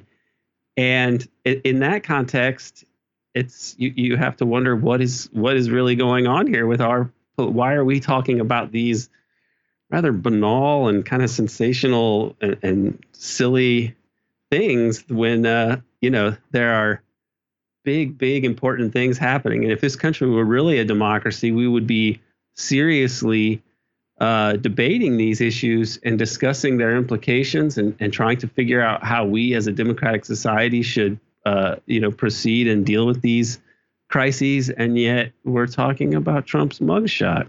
Yeah. Which is and is that because the adults would rather us be uh, you know, worrying about these things while they sort out the real, while they make the real decisions. I mean, that seems to be how this system works. So, uh, this is it's it's all very fascinating to to contemplate. And the bigger deal, besides Trump, is the like I said, what's happening in in world history with the collapse, with the evaporation and slow slow motion collapse of uh, U.S. hegemony. Mm-hmm. Let me ask you about a split that we saw among the candidates uh, Wednesday night. It was on Ukraine. Uh, Vivek Ramaswamy came out and and said that he was opposed to additional aid to Ukraine, military aid to Ukraine. He was the only one who said that, and he took it on the chin from Nikki Haley, who set herself apart from the other candidates as the neoconservative, uh, pro-war candidate, and she did that on purpose. Of course, uh, she she needed something to break out of the pack. She's always been seen as an internationalist and as a neocon. She just stepped right into the role. Uh, what surprised me, though, after the debate, was how Ramaswamy was subsequently attacked on Fox News for taking that position. It was my impression, at least, that in the House of Representatives, at least, a lot of those Republicans are also opposed to continued military aid to uh, to Ukraine, not on the Senate side. And and Mitch McConnell has said that there will be no cuts, at least from the Senate side, on military aid to Ukraine. What do you think we were watching there on Wednesday? And Michelle has a comment about this too. Yeah, I wanted to add something that's related. This is a, a piece by Alex Rubinstein in the Gray right. Zone uh, that talks about this this neoconservative effort uh, just launched this PR offensive, defending democracy together. Uh, it's uh, it's an initiative of of Bill Kristol, uh, that's targeted at GOP voters to try to convince right, them that right. it's extremely, extremely important to keep sending sending money to Ukraine. Yes. And it's sort of a part of this question: Why is this such a why is this such a big neocon project? Right. To why? the extent that they're launching ads to convince people that we yesterday. need to still be funding, uh, you know, funding Kiev in this war. Whoa. Well, yeah. I mean, it's. what do you say? It, it is completely insane that we are talking about Ukraine this way. They cannot win. They just we gave them uh, the the U.S. I don't shouldn't say we. The U.S. and Western countries sent them billions and billions for this um, counteroffensive, and it was apparently a total disaster. They just they may as well have been uh, the Chinese, you know, in the Korean War, launching the human wave technique you know, against the Russian defenses, except in the case of Ukraine, they didn't have enough people to make it actually work. So they may as it, it's like they, they're treating their own people like ants to be slaughtered. I mean, uh, uh it's and how are you going to possibly reverse that if you introduce weapons that are destructive enough to actually turn the tide there? Then Russia, they would Russia would have to would then all of a sudden Russia would be facing uh, an existential threat such that they would do likely deploy nuclear weapons and, and nobody can have that. So it's this they are demanding adherence to an insane uh, military policy that is that can't cannot but fail. Mm-hmm. and uh, it, it's what's worrisome is they have to be aware of this which so you wonder what they are what what exactly they're thinking the end game is. Are they just hoping to somehow have a stalemate that lasts through the election and then they'll and in the meantime they'll figure something out you know are they just trying to be in a holding pattern while while they sort it out i can't really figure it out haley uh, is a strange character. They uh, people have written articles about how she was not very wealthy when she took that job with Trump, and then since then uh, has been you know made become a multimillionaire mm -hmm. uh, by her connections with the defense industry. So that probably would help explain why she's so belligerent about this. But it doesn't seem to play well to the Republican base anymore.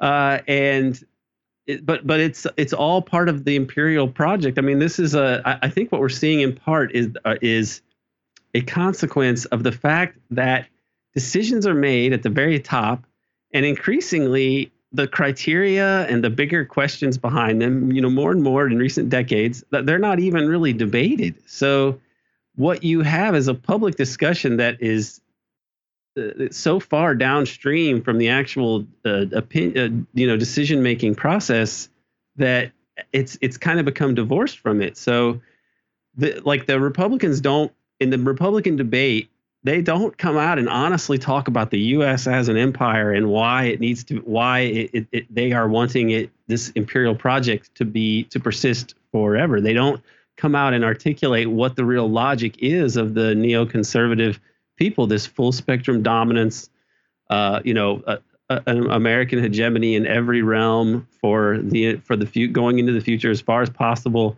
They don't explain that like these the international monetary system and institutions like the World Bank and things like foreign aid are all really done just to keep to create the best environment for the U.S. corporate power to exploit and along with military power to exploit and dominate the rest of the world and keep them from being able to create an alternative system.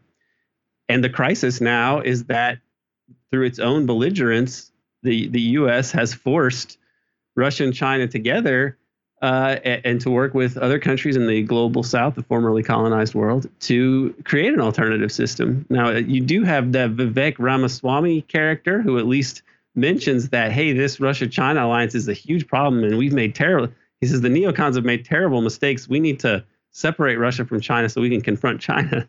So he's basically just another version of neocon, even as he is denouncing the neocons. But at least he is saying some things that are accurate, which is a that the Ukraine war is is not a successful enterprise. Yeah, and that the Russia and China alliance is definitely sounding the uh, death knell for the for for U.S. hegemony. But even then, even after laying these things out, he goes into the realm of like magical thinking and a, a fantasy fiction or something, where he's saying like, "Oh, we're, we better just separate. We're just going to separate China and Russia uh, somehow But by yes. I don't even really know what sort of gambit he thinks he can deploy to do that, but." He comes across. I think he's kind of derided by people in the in the establishment press, but he's at least saying a couple things that are true before he goes to his insane conclusions because nobody can really face reality. I, have got to ask you about a piece that appeared in uh, The Intercept today that was just so much fun. Yes. Uh, the National Security Agency, NSA, that's the hub of American electronic and cyber spying, told employees in an all hands memo this summer that foreign targets of its intelligence gathering, quote, should be treated with dignity and respect, unquote. This is a new policy directive that The Intercept told us about this morning. The directive is for the NSA Signals Intelligence or SIGINT division, which is responsible for covert surveillance and intercepts and data collection worldwide.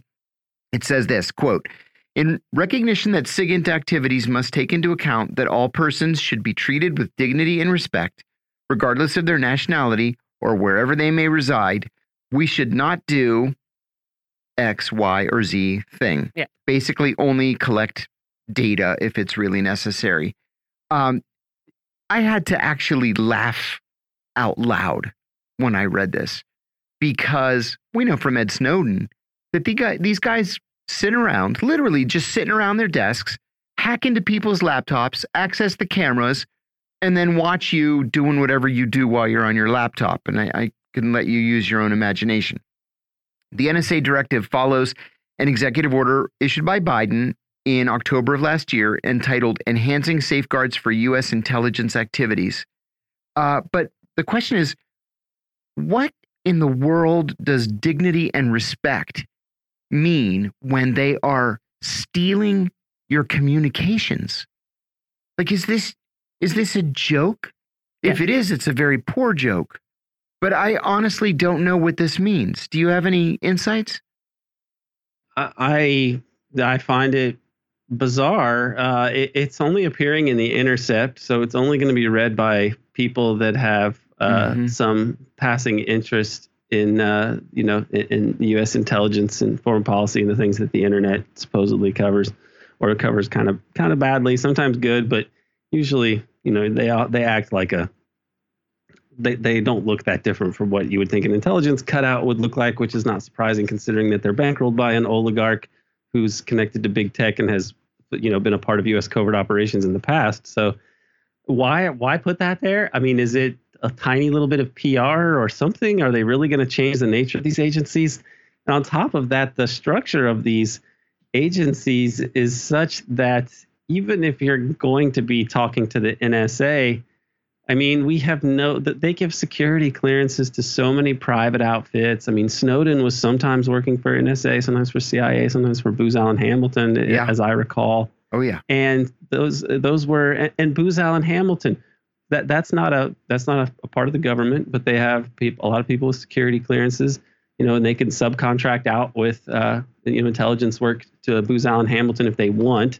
And at that point, you get further away from like congressional or any other kind of meaningful oversight. And then on top of that, who knows how Booz Allen Hamilton might be able to interface with the national security state and and allow other into other parties to be subcontracted out for intelligence work. I mean, this whole they cannot uh, afford these kinds of protections in, in a way that's believable.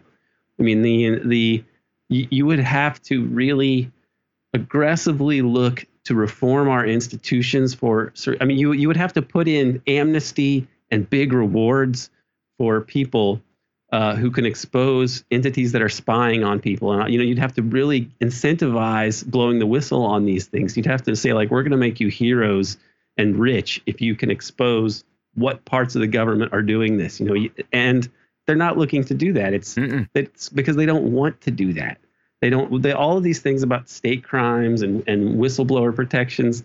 I mean, if if Biden wanted to find out who bombed the Nord Stream, he could say, you know, ten million dollar reward and am, guaranteed amnesty for anyone who who does this. Of course, but of course he he doesn't and he because he doesn't spins around to. and looks in a mirror and goes, "Ooh, ten million dollars for me." right. I mean, it's this is what we're talking about. It's just it's it, it is we're I, we do not have the capacity to reform these institutions institutions without big changes to the way that the, that the, U.S. state functions in the world and domestically. And some of these big changes are going to be foisted on us because we here at home could never get a handle on this national security state, which is really a, an, an empire apparatus, a set of institutions designed to run a global empire and thus it cannot be despotic because imperialism is a despotic uh, and brutal enterprise. But so we and we were never able, we the American public were never able to once this juggernaut got rolling after World War II, roll, bring it into under control. And it's the rest of the world that is going to bring it under control in a sense. But the question remains for us what are we going to do with these institutions and how are we going to change them and how are we going to honestly look at how we got to this place yes. where we have these institutions that are kind of predatory and despotic and sinister and, and secretive uh, how, what these are not suitable for what is coming for in the coming decades and you know That's coming right. years and at the present even we the, this needs to be reformed and seriously looked at all of these kinds of uh, just systemic and routine law breaking, uh, of which this this, this what you're referring to is just a way of saying like you know we're gonna do we're gonna make our velvet glove 20% fluffier, you know, for yeah. the, on the Iron Fist. And I right. don't even believe that they're going to make it any fluffier at all. You know, they're probably going to make it less fluffy. It's probably covering up something else they're doing that's terrible. Can I, Aaron, spring something on you that I think really, you know, does sort of indicate other forces standing in the way of trying to uh, achieve this wholesale change, and that's NPR. John and I started the show by NPR this morning. I don't expect that you listen to NPR every day, Aaron. I do because I hate myself. Uh, but they did a segment on the song Rich Men North of Richmond that has been such a sort of cultural phenomenon and people are debating if it's an op or not or whatever. And I, I don't care about any of that. But they did a whole segment on their morning podcast about how a lyric in the song references miners on an island, right? I wish they would take care of miners mining coal and not just miners on an island, referencing, as NPR put it, the Jeffrey Epstein scandal, and talking about how references like this can lead to extremism, right? And I just, it's again another example of, of NPR working really sweatily to make sure that any uh, legitimate scrutiny of exactly how the extremely wealthy among us get away with crimes that are known by their peers and that uh, other people would spend you know decades in prison perhaps for uh, how they any any look at how this is achieved and who is involved in it and what I does what it does to our society make sure anyone who has questions about that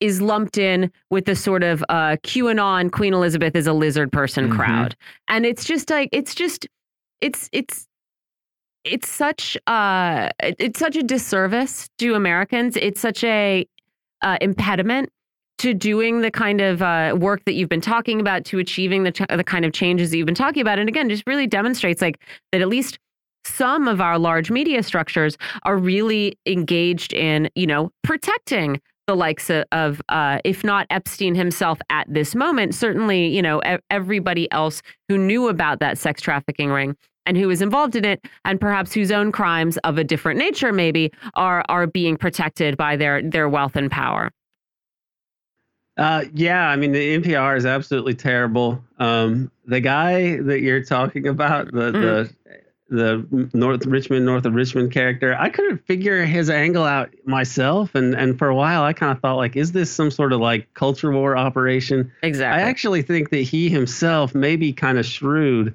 and sort of figured out how he could kind of play these things to get some publicity. Uh, that's what I tend to think happened now, uh, because his, you know, he seems if he's smart enough to have hit, you know, the nail on the head in such a way that he would get this publicity, he'd probably be shrewd enough to understand that like the problems of the rural poor in Appalachia, and my whole family's from Appalachia, that the problems of the rural poor and the Rich Men north of Richmond, like the Rich Men north of Richmond sit around and they make money in their sleep and I guess you could say that the overweight welfare recipient that in his song does as well, but he has to know that those two things are not equal, right? Yes. And so why does he say that? Probably as a little bit of a way to like, you know, gin up some uh, culture war, you know, attention in a, in a kind of way. Now, the the NPR getting angry with the guy or, or taking him to task over that particular line, I mean, that is just that's just pathetic. But it's it, it, the NPR is designed to like make support for U.S. imperialism seem like the uh, sensible and sophisticated thing for like affluent and aspiring uh, liberals to to do. You know, like they're, I, I find them so uh, irritating. The tone, the sort of smug and pretentious, uh, at faux erudite tone of the uh, people on it on NPR, the way that they are really selling you kind of uh, you know the oil companies and defense industries and big pharma's propaganda they while asked, acting so sensible and, and progressive it just really irritates me. They asked could listening to the song turn you into a conspiracy theorist? I mean how old do you think we are, NPR? I know I don't want to. I know we have our next guest on the line, so I I, I don't want to make go on too long about this. But yeah, it was just come on, man. Uh, what what what place does this have on a news program? It's the it's the liberal version of uh you know watching TikTok is gonna make make make my kids trans. Yes. Yeah. Yes. Yeah. Yes. That's right. That's right. Well, Dr. Aaron Good, thanks for joining us. Aaron is a political scientist and host of the American Exception podcast on Patreon. He's also the author of the excellent book, American Exception Empire and the Deep State. I want to talk about something uh, absolutely terrifying next. Really, I have to say, and I'm going to try not to be alarmist because, of course, the U.S. has a very good safety record. But oh boy, some of these reports recently on the conditions under which all of these airline near misses are happening are really frightening. So, of course, as you've guessed, we're talking once again about safety mm-hmm. in the airline industry, about working conditions in the airline industry, and about just how understaffed and overstretched some of these uh, workers and teams can get before we perhaps do experience a catastrophe. We're joined by a worker for a major U.S. airline and a community activist based in Washington, D.C. Thanks for joining us. Hey, thanks for having me. So, Airline misses are again in the news. The New York Times on Monday published a study based on uh, internal Federal Aviation Authority records that it had viewed, or Aviation Administration records that it viewed, that found that at least 46 close calls involving commercial airlines had occurred last month alone. Some of these were very close indeed, like planes almost crashing into each other on the runway, planes almost landing on top of one another, planes almost colliding in the air over runways. They are happening on average multiple times a week, 300 in the most recent 12 month period for which there is data. And the Times says the pilots, air traffic controllers, and federal officials they spoke to described to them a safety net under a mountain of stress.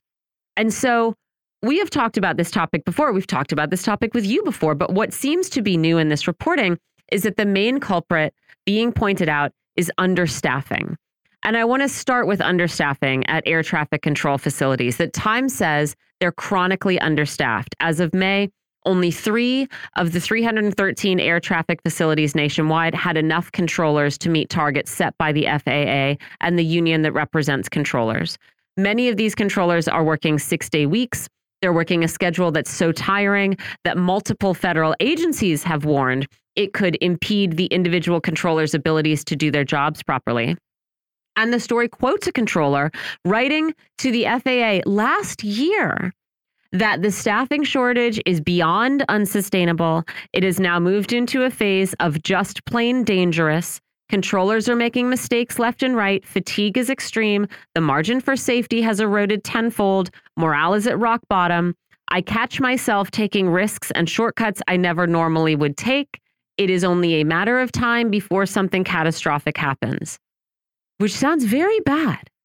Uh, the FAA, in response, uh, I can see only so far that they have said, uh, we take a very conservative approach to airline safety. We have a multi layered system that's designed to catch things that fail at multiple levels and basically don't worry about it. And so I wonder if you think we should not worry about it or perhaps worry just a little bit.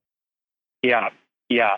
Well, I'm glad you brought up the uh, New York Times investigation. I actually think it was very uh, strong, which I don't think I've ever said before about a New York Times investigation, but um, they really pointed out that this is a you know structural problem.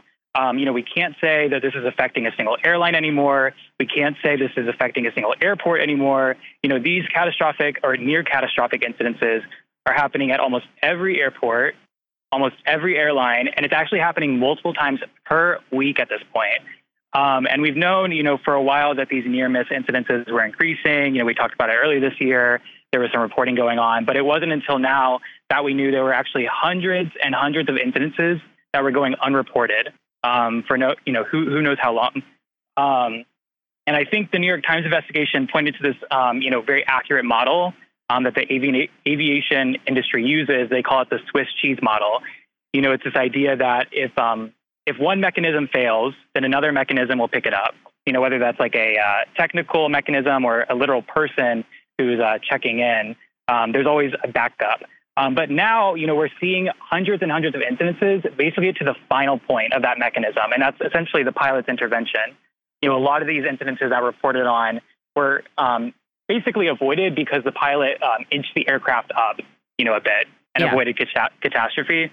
Um, and so, you know, you're right. The FAA is essentially relying on the fact that there hasn't been an incident since, uh, uh, since 2009 um, but that's you know basically not good enough anymore. You know, it's it's pretty easy to avoid the hard questions. Um, you know, when there isn't proof that incidences aren't happening. Uh, but now we know, and we know um, from a very thorough investigation that these incidences are happening very frequently. And it is, you know, I, I totally agree with the air traffic controller who was interviewed that it really is only a matter of time until something catastrophic occurs. It's terrifying. And the question really is why why are we so understaffed, right? I mean, a lot of there have been a lot of stories blaming like uh, layoffs and uh, sudden drop in demand during the pandemic and how you know uh, demand resurged before airlines could you know uh, fully restaff et cetera. I'm i'm not sure i'm not sure how much credence we should give this explanation. And so i wonder if there are there other issues here like compensation or work conditions? Is it funding for the faa is this really a short-term problem or is this a longer-term issue? Yeah, I think I think this is a question we've been asking for quite a long time, but I think we're finally starting to get some answers. Um, and I think the incidences that have recently come out have really pointed to the air traffic controllers as the main culprit. Um, but you know, when I say it's it's the ATCs, it's I think it's the system of ATCs. It's not mm-hmm. you know these individual air traffic controllers. You know, they're very skilled, extremely sharp. You know, um, some of the you know sh- you know sharpest people I think in the aviation industry. Um, and you know that's a major reason we haven't had a catastrophic incident since yeah. since 2009. Um, but you know it doesn't really matter how sharp you are, how skilled you are. You know if there are systemic failings, then there's an incident that's bound to happen. And you know from my point of view, it really seems like the federal government is um, you know avoiding the problem of funding and staffing. You know they say they're going to increase staffing. They say that um, it's going to take a few years before we get to the appropriate number. But you know I don't even know if that's true. I don't know if that's going to you know actually occur. Um, but what I do know is the federal government could literally today implement a mass hiring program. They could implement a mass training program, but they choose not to. You know, they could they could um, decide right now that they could send millions of dollars to the FAA to increase hiring, to increase training, but they choose not to.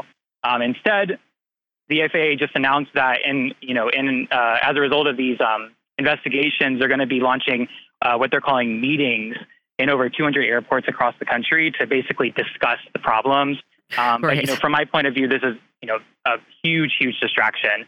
You know, we know the problem, we have a solution, um, but the federal government has you know essentially chosen to fund things like deporting migrants, you know, sending weapons to Ukraine, all these things besides funding our vital infrastructure. And this goes beyond just the aviation industry. I mean, this is bridges, this is transportation in general, this is trains. You know, it's it's, it's our entire infrastructure system. Yeah, I mean, I, I don't know. It, it, just feels like we're always playing catch up in ways that are absolutely unnecessary. You know what I mean? And everything always has to be done exactly at the most, you know, exactly at the margins, right? Why don't we have just a few too many air traffic controllers. You know what I mean? Have it be a slightly cushier job for a small number of people, and you're not constantly forcing people to work under conditions that uh, you know that, that create mistakes, as the as the person who was interviewed said. It's just a it's it's mind boggling to me, right? Why we have to run flat up against maybe the the worst outcomes of a result of these shortages before we'll do anything about it because god forbid yeah. anybody like ha have an easy job for a while you know what i mean and right. again it's like a high tension job it's never going to be easy but maybe hey maybe you're maybe you don't work that many hours i don't know it, it feels like a better it feels like that's a better condition to live under as a society than every couple of years, you know, because of some kind of unforeseen set of circumstances, having planes almost crash into each other over our heads.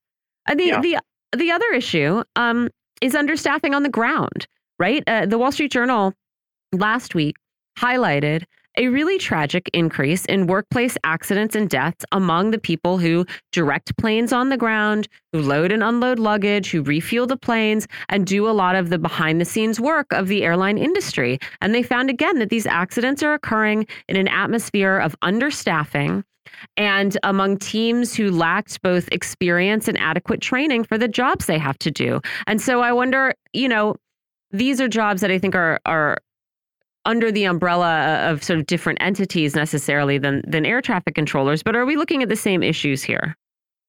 No, absolutely. And you know, I actually have a little bit more insight here. Um, my last position was was actually as a gate agent. So you know, uh, these ramp agents, as they're called, you know, it's a, an extremely dangerous job. Essentially, one wrong step and you can be, you know, quite literally sucked into a plane engine. Mm-hmm. Uh, yeah. And since the pandemic, but you know, it, it really is a problem that I think has occurred over the past three decades, really since the 90s. We've seen airlines shorten training times, decrease staff, increase hours, and de- de- you know decrease wages across the board. And so this is really a recipe for disaster. Um, at my previous airline, uh, you know, ramp agents were trained for two weeks, then they were thrown onto the ramp to work, you know, these large aircrafts. Um, equipment was constantly breaking. New hires admitted they didn't. They knew, you know, they, they admitted they didn't know what they were doing, um, but they couldn't speak up because they would be a fire. You know, they would be fired instantly. Um, you know, every airline worker is on probation for six months, so the union cannot protect them. Um, so airlines are very happy if a, if a worker speaks up or has an incident uh, to just fire them and replace them with another ramp agent. And you know, these ramp agents are really you know coming from the most working class um, sectors. You know, that they they um, they don't have another job in many instances to go to. Um, so they choose to be quiet. They choose to not bring up issues. They choose to bring, you know, not bring up um, times when they don't know what they're doing. And then you get instances um, like in Montgomery just um, earlier this year where a woman was sucked into an aircraft engine and killed. Um, and, you know, the airline response to this is just be careful. You know, I, I saw it hundreds of times. Um, someone would have a minor incident, luckily minor, and the airline would just say, you know, be careful next time. Maybe they'll be put on, um, you know, a, a probation. Maybe they'll be fired. Maybe they'll be brought, brought back. But um, essentially, there's no response. There's no systemic response in terms of increasing training or the airline actually taking, you know, accountability for these instances. And the thing that that raises to me, the issue that raises to me is whether, you know, perhaps there are labor solutions to what I think we can see as a labor issue, right? Because, it, you know, one way that workers uh, you know attempt to change their working conditions is by is by organizing is by unionizing is by having sort of uh, you know uh, uh labor actions and I feel like if you're part of a chronically overworked and understaffed team, I mean, one thing that we could do uh, from the top down, I think, is is reduce the volume of flights, right? But if you can't get the FAA to do this, if you can't get someone at the uh, you know the Biden administration to do this, another way to do this would be through labor action. And so I wonder if there is, you know, if we should view this as not I don't know. Eh, it, maybe we're overcomplicating something that is as simple as a labor issue. And if these air traffic controllers, uh, like the workers on the ground, feel that they are being asked to do more than they can possibly manage, maybe they need to just stop. Mm -hmm. Yeah. I mean, from my point of view, I don't think any you know major systemic change is um, is going to happen in our in our country unless there is a you know strong uh, movement for it, particularly a labor movement. Um, so I definitely agree. You know, um, the only way these problems will be fixed is through organized labor. And you know, it's it's actually really hard to believe. Um, the airline and ATC unions were actually some of the strongest unions in the 20th century. Um, you know, for example, flight attendants had some of the highest wages, the best working conditions, and best protections, really in the whole customer service industry.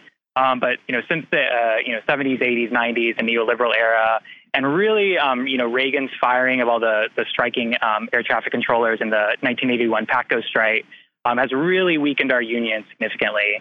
Um, but I think um, on the positive end, I think we are on the cusp of, of a really major uh, revitalization of the labor movement, especially in the airline industry. You know, we are seeing some of the most militant action from airline workers really in the in, in many decades. You know, there's uh, strikes being authorized left and right across many different airlines. Uh, so I, I, think we're going to continue to see, um, you know, more militant action and, and you know more more daring action from these unions who have been so weakened, um, especially as these these issues you know continue.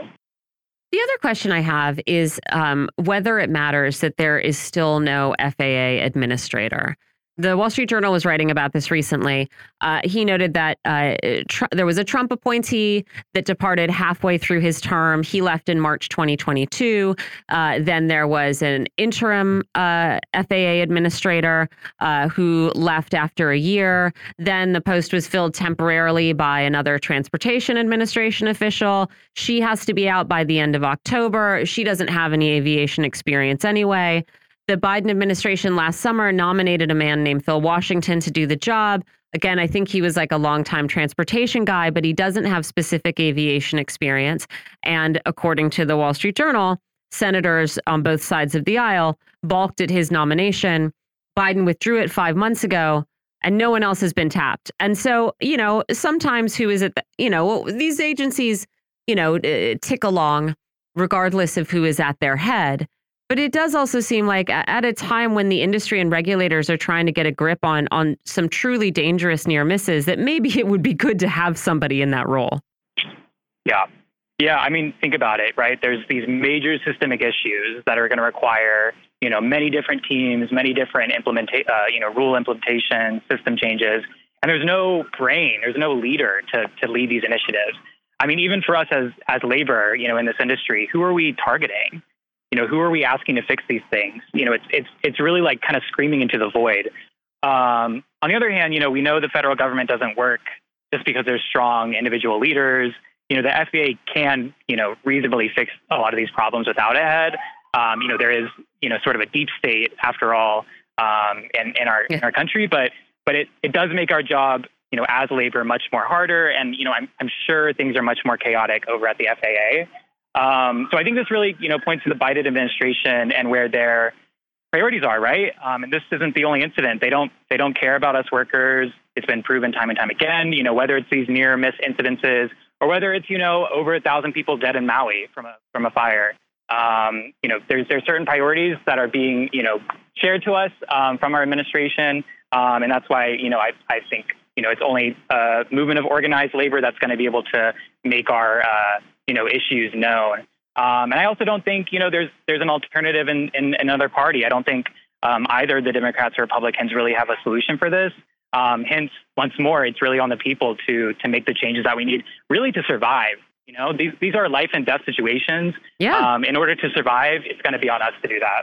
And as you know, as producer Ben points out, uh, regardless of who is nominated to be the FAA administrator, uh, it is it is likely to be someone who comes from the same sort of pool of stakeholders That's right. Uh, that it always does, which is among airline executives, uh, you know, it, it is not very often that, uh, you know, rising to this position is someone who has worked on the tarmac or who has been an air traffic controller, which is the same as, you know, in the uh, the head of the uh, the FDA, right? It's never somebody who's like processing chickens at a plant. It's somebody who inherited the the Purdue fortune. Right. And so, yeah, I think another probably a, a object of any of this organization is to expand uh, that table so that it includes uh, people who understand what it is like uh, to to work on the tarmac and to work on these planes. Yeah, absolutely. Yeah. I mean, it, you know, every department of this country is meant to serve, you know, the companies that that work under that. The, the Defense Department is intended to facilitate profits for the defense contractors. The FAA is intended to facilitate the profits of the airline industries and the airports um, you know, there's no difference. So, um, you know, I don't see, uh, you know, the Biden administration or, you know, whoever new president comes in next year really um, taking a huge shift in that thinking. It's definitely going to be, you know, another uh, person of the of the aviation capitalist, uh, you know, uh, wing. Um, so once again, I mean, it, you know, it really is on us as as labor, um, and uh, you know even labor beyond just the airline industry to, to demand these changes. We've been speaking with a community organizer based in Washington, D.C., and a worker for a major commercial airline. Thanks so much for joining us. Thanks, Michelle. All right, Michelle. John, we got five minutes for some weird news. God, yeah, it, we got a little bit of weird news. I have more than we have time for. So I'm going to say that there's an obituary in today's uh, New York Times uh, it's an obituary of John Warnock, who died last week in Los Altos, California, at the age of 82. He was a successful entrepreneur and one of the co founders of Adobe Systems. So he made millions and millions of dollars. But what I find most interesting is he's the inventor of the PDF. That's cool. That's kind of cool. Yeah. And, uh, you know, they say that that before he invented the PDF, in order to make something akin to a PDF, it could cost as much as ten thousand dollars. No, if what? you were to do it on your dot matrix home printer, you have to download this and download that and pay for this program, pay for that pro huh. program, and, and it would come to ten thousand dollars to make what today we would call a PDF. He said that's ridiculous. He released it. It was originally called LaserWriter. He released it in 1985. It is now the industry standard. Wow. Boy, um, 1985, I don't know if I had ever seen a computer. Yeah. Right. I, mean, I, I think I saw my first TV. computer in use in 1985. Yes. I do not remember seeing one before, I guess 1980. I don't really remember a lot before 1988, to be honest. But and they were friggin' expensive. too. certainly we didn't have one. No, nor did we. Nor did we. Uh, listen to this. You like Sonic, the uh, the restaurants, the fast food places, Sonic. I don't know if I've ever eaten at a Sonic. I, I don't but think I I, am have aware actually, but they're Yeah. quite popular. There's one in Tulsa, Oklahoma, that was a scene of a gruesome assault uh, a couple of weeks ago, according to Fox News. Police arriving at the scene found a man with a flagpole with a with the American flag still attached to Oh, it. was someone trying to desegregate schools in Boston, maybe? similar. That that photo won the Pulitzer Prize. This flagpole went right through a man's head. No. It, they say it entered under his jaw and exited through his right temple. Uh, witnesses reported that the suspect who did it, Clinton Collins, allegedly charged at the victim and ran the flagpole through his head, saying, That's what he gets. He deserved it. Collins was taken into custody immediately. Emergency responders had to cut part of the flagpole away Ugh. in order to fit the poor victim into the ambulance. Yeah. He survived, but will lose an eye. No. Not going to be a Phineas Gage situation. Also very cool. Yeah, it is kind of cool.